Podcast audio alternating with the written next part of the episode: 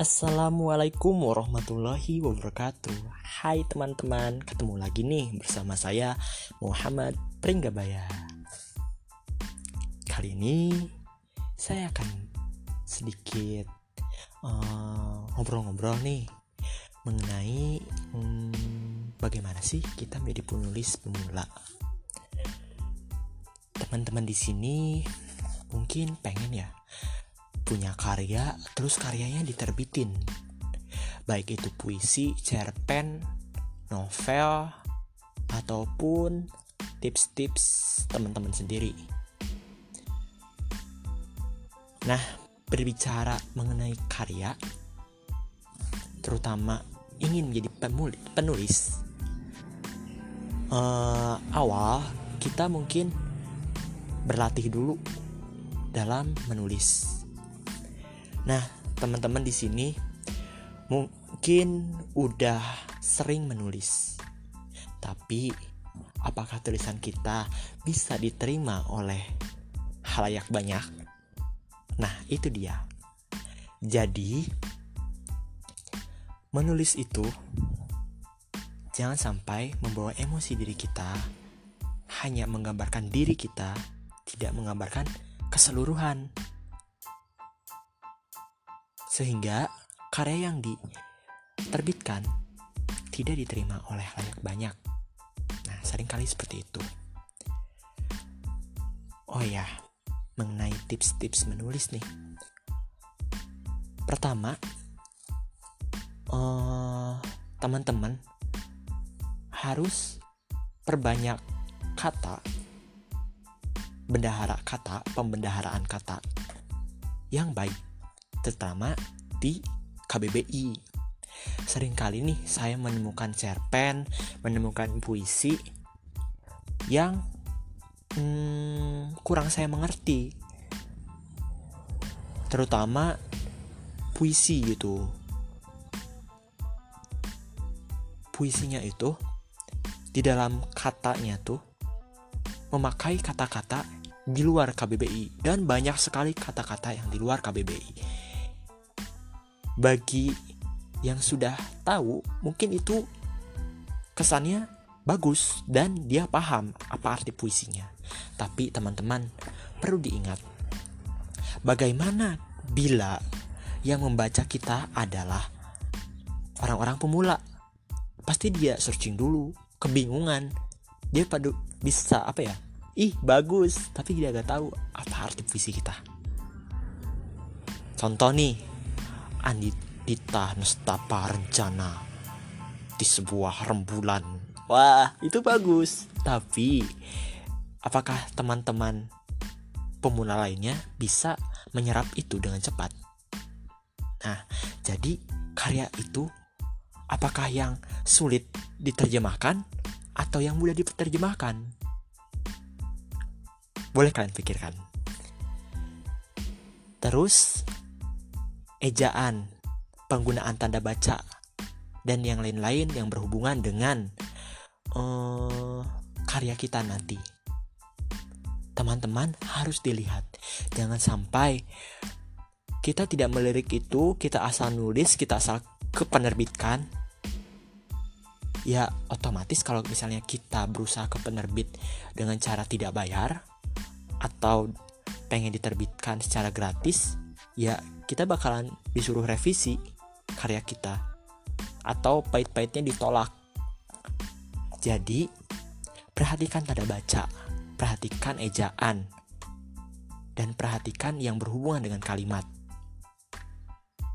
agar karya kita dapat diterima oleh penerbit khususnya.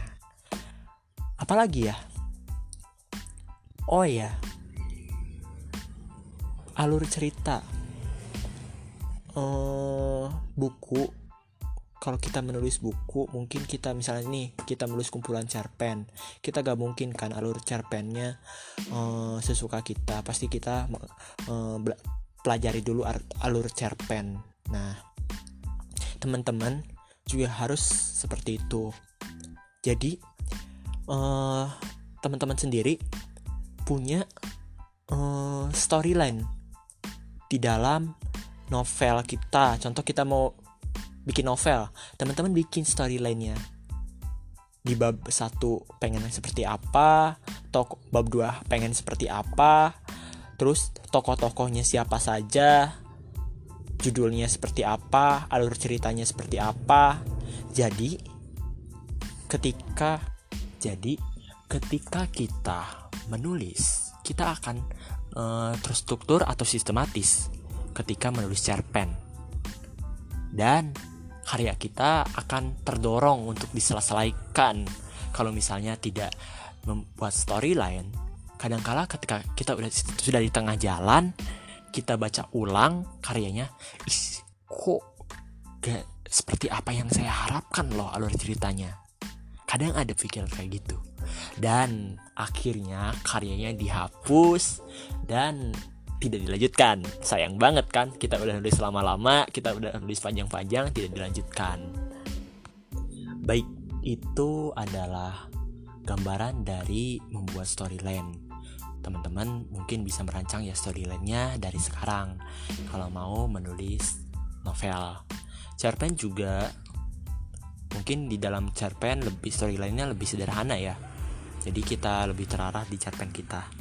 Terus uh, kalau misalnya pengen bikin antologi puisi cerpen yang satu tema itu malah jauh lebih bagus. Jadi uh, di buku itu buku karya kita akan lebih menggambarkan puisi-puisi yang satu tema. Dan orang pun lebih mudah mencarinya gitu mencari uh, puisi yang ia inginkan gitu. Contoh dia lagi mencari uh, puisi tema perjuangan. Kita bikin buku tema perjuangan otomatis buku kita yang akan dilirik. Tergantung juga sih judul bukunya. Nah itu dia. Judul buku. Judul buku juga harus menarik ya teman-teman. Jangan sampai terlalu kaku ataupun tidak menarik pasti nih orang-orang membaca itu pengen beli itu dari judul bukunya dulu. Bukan dari isi bukunya karena isi bukunya kan disegel bukunya juga gak akan mungkin kan dia membuka dulu bukunya. Nah jadi lihat dulu judul bukunya dan belakang buku yaitu sinopsisnya. Nah kadang sekala orang-orang yang ingin membeli buku pasti lihat dari sananya dulu. Jadi usahakan judul buku dan sinopsisnya sangat menarik hingga menarik minat pembeli untuk membeli buku kita. Nah itu mengenai uh, bagaimana kita membuat project buku. Oke, sekarang lanjut. Bagaimana kita mencari penerbit untuk menerbitkan karya kita. Oke, teman-teman, mencari penerbit untuk menerbitkan karya buku kita. Nah, untuk mencari penerbit, teman-teman untuk pemula eh, bisa saja menerbitkan dengan gratis. Tetapi teman-teman harus eh, mengedit dulu karyanya yang sudah rampung, draft karyanya. Jangan sampai kita memberikan ke penerbit karyanya itu masih acak-acakan, banyak yang tipe, uh, terus nomor halamannya gimana nah itu bisa menjadi uh, pertimbangan penerbit kalau boleh juga uh, dirapi-rapi desain cover dan yang lainnya agar penerbit tertarik gitu. Nah itu dia mengenai trik ke penerbit. Selanjutnya uh, mencari penerbit. Penerbit tuh banyak sekarang. Dulu orang berlomba-lomba untuk dapat menerbitkan uh, buku. Karena dulu kita tahu hanya Gramedia, uh, Grasindo dan yang lainnya. Mungkin itu adalah penerbit besar. Teman-teman bisa menerbitkan buku di mana pun. Penerbit sekarang sangat banyak sekali. Ada Diva Press, Guepedia, terus ada Langgam Pustaka yang di Tasikmalaya, terus ada Jejak Publisher, Kosana Publish, terus banyak lagi teman-teman bisa menyesuaikan budget atau uang bila pengen um, karyanya terbit cepat gitu. Maksudnya dengan tidak ada um, apa ya kalau misalnya gratis kayak ke, eh, ke Gramedia ataupun ke penerbit lainnya yang eh, menerbitkan mayor gitu spesial dengan gratis dapat royalti gede itu sedikit susah karena karyanya itu jangan sampai asal-asalan kita bikin karya. Dan kalau misalnya kita asal-asalan otomatis karya kita tertolak gitu. Bukan masalah kita gak pede atau kita gak optimis karya kita dapat atau tidak. Nah untuk pemula hmm, bila ingin segera eh, menerbitkan bukunya atau sebagai batu loncatan sebagai penulis itu boleh aja kita menggunakan uh, menerbitkan karya dengan berbayar dulu. Nah, banyak sekali penerbit yang menerbitkan dengan harga murah tapi tidak murahan teman-teman. Tinggal kita menyesuaikan dengan budget atau dengan uang yang kita punya. Jangan sampai kita hmm, melebihi apa yang kita miliki. Contoh, harganya 2 juta untuk sekali terbit. Kita cuma punya 500 ribu. Nah, teman-teman memaksakan di sana. Terus sampai karya itu tertunda karena tidak ada pembayaran. Itu sayang sekali. Padahal banyak sekali penerbit yang dengan budget 100 ribu kalian udah bisa terbit karya itu nah diharapkan teman-teman menyesuaikan budget dulu mau ke mana nih karya kita terbit oh ya teman-teman juga jangan sampai uh, terlalu realistis bahwa karya kita gak akan bisa terbit nih ke penerbit yang mayor atau penerbit yang sudah bagus bisa aja kita terbit dengan gratis dan dapat royalti. Tapi kita harus benar-benar dalam project itu.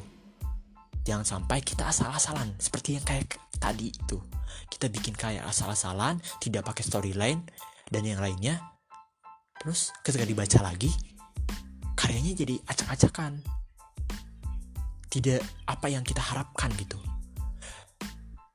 Mungkin bagi sebagian penulis yang sudah ahli tanpa menggunakan storyline itu uh, tidak akan masalah dan penar penulis yang sudah uh, mempunyai nama tanpa menggunakan storyline pun dia akan dilirik terus oleh penerbit tapi uh, kita kembali lagi kita pemula kita gak mungkin dong dalam kesan pertama ini kita mengupgrade atau kita meng-launching buku yang asal. Jangan sampai seperti itu. Oke deh, itu mengenai penerbit. Oh ya, lanjut. Saya akan membagikan dua akun penerbit yang bisa kita gunakan. Pertama, ada penerbit besar. Keduanya penerbit besar sih, tapi yang pertama ini mungkin ada toko bukunya, yaitu Gramedia. Nah, teman-teman di sini bisa uh, mengirimkan karyanya tanpa menggunakan uh, kantor pos atau JNE atau JNT. Mungkin kan dulu kita mengirimkan karya harus ke melalui kantor pos kita dicetak dulu nih draftnya. Nah sekarang tidak perlu teman-teman bisa menggunakan email dari penerbit-penerbit uh, yang ada.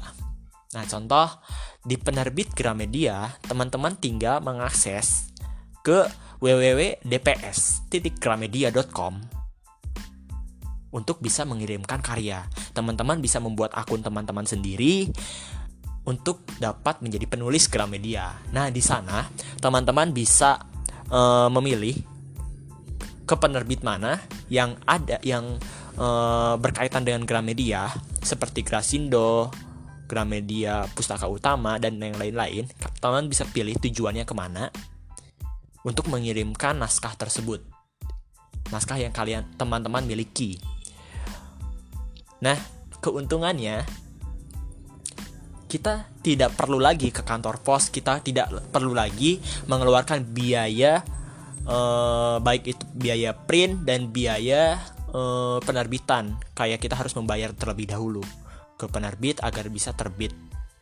Kayak editing ISBN gitunya kan ada yang bayar ya. Nah di sana enggak. Teman-teman bisa meluncing buku dengan gratis di sana. Itu yang pertama. Dps titik gramedia.com diingat ya kalau perlu dicoba. Dan yang kedua adalah jejak publisher login.com nah jejak publish juga tidak kalah ya dengan penerbit uh, Gramedia dan penerbit lainnya. Dia jejak publish juga mempunyai website yang bisa mengirimkan tanpa kita harus mengirimkan ke email dan kita uh, tidak tahu apa uh, apakah karya kita diterima atau enggaknya. Nah di jejak publish kita bisa membuat akun kita sendiri, akun penulis kita sendiri, kita bisa tahu uh, berapa lama antrian karya kita. Nah antrian karya itu uh, adalah antrian ini ya karena yang menerbitkan di jejak publish itu pasti ada ri ribuan, ada puluhan ada ratusan. Nah, jadi kita bisa tahu uh, urutan keberapa kita uh, karya kita launching. Nah, bukan hanya itu, kita juga bisa mengetahui royalti kita yang didapatkan. Kita bisa mengetahui cover buku kita gimana. Kita bisa mengetahui uh, naskah yang sudah diediting sama penerbit gimana. Itu ada di aplikasinya. Nah, kita juga bisa menyunting uh, itu apa ya? Uh, profil kita dari mulai foto, kontak dan yang lainnya. Nah, di Jejak Publish sendiri uh, di website itu ada yang gratis dan ada yang berbayar. Teman-teman bisa memilih uh, mau pilih paket penerbitan yang mana kira-kira. Nah, itu mengenai penerbit dpsgramedia.com dan juga jejakpublishlogin.com itu teman-teman bisa memakainya.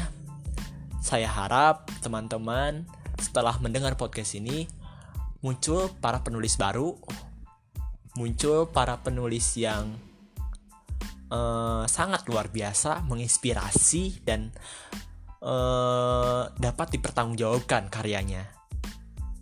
Kalau misalnya udah launching jangan lupa PC kontak saya at Pringgabaya Muhammad. Oh ya IG saya at Pringgabaya Muhammad. Uh, kasih tahu bukunya. Nih kak, buku yang punya aku pasti saya beli itu bukunya. Ya, mungkin segitu yang bisa saya sampaikan. Sampai jumpa di podcast selanjutnya. Terima kasih.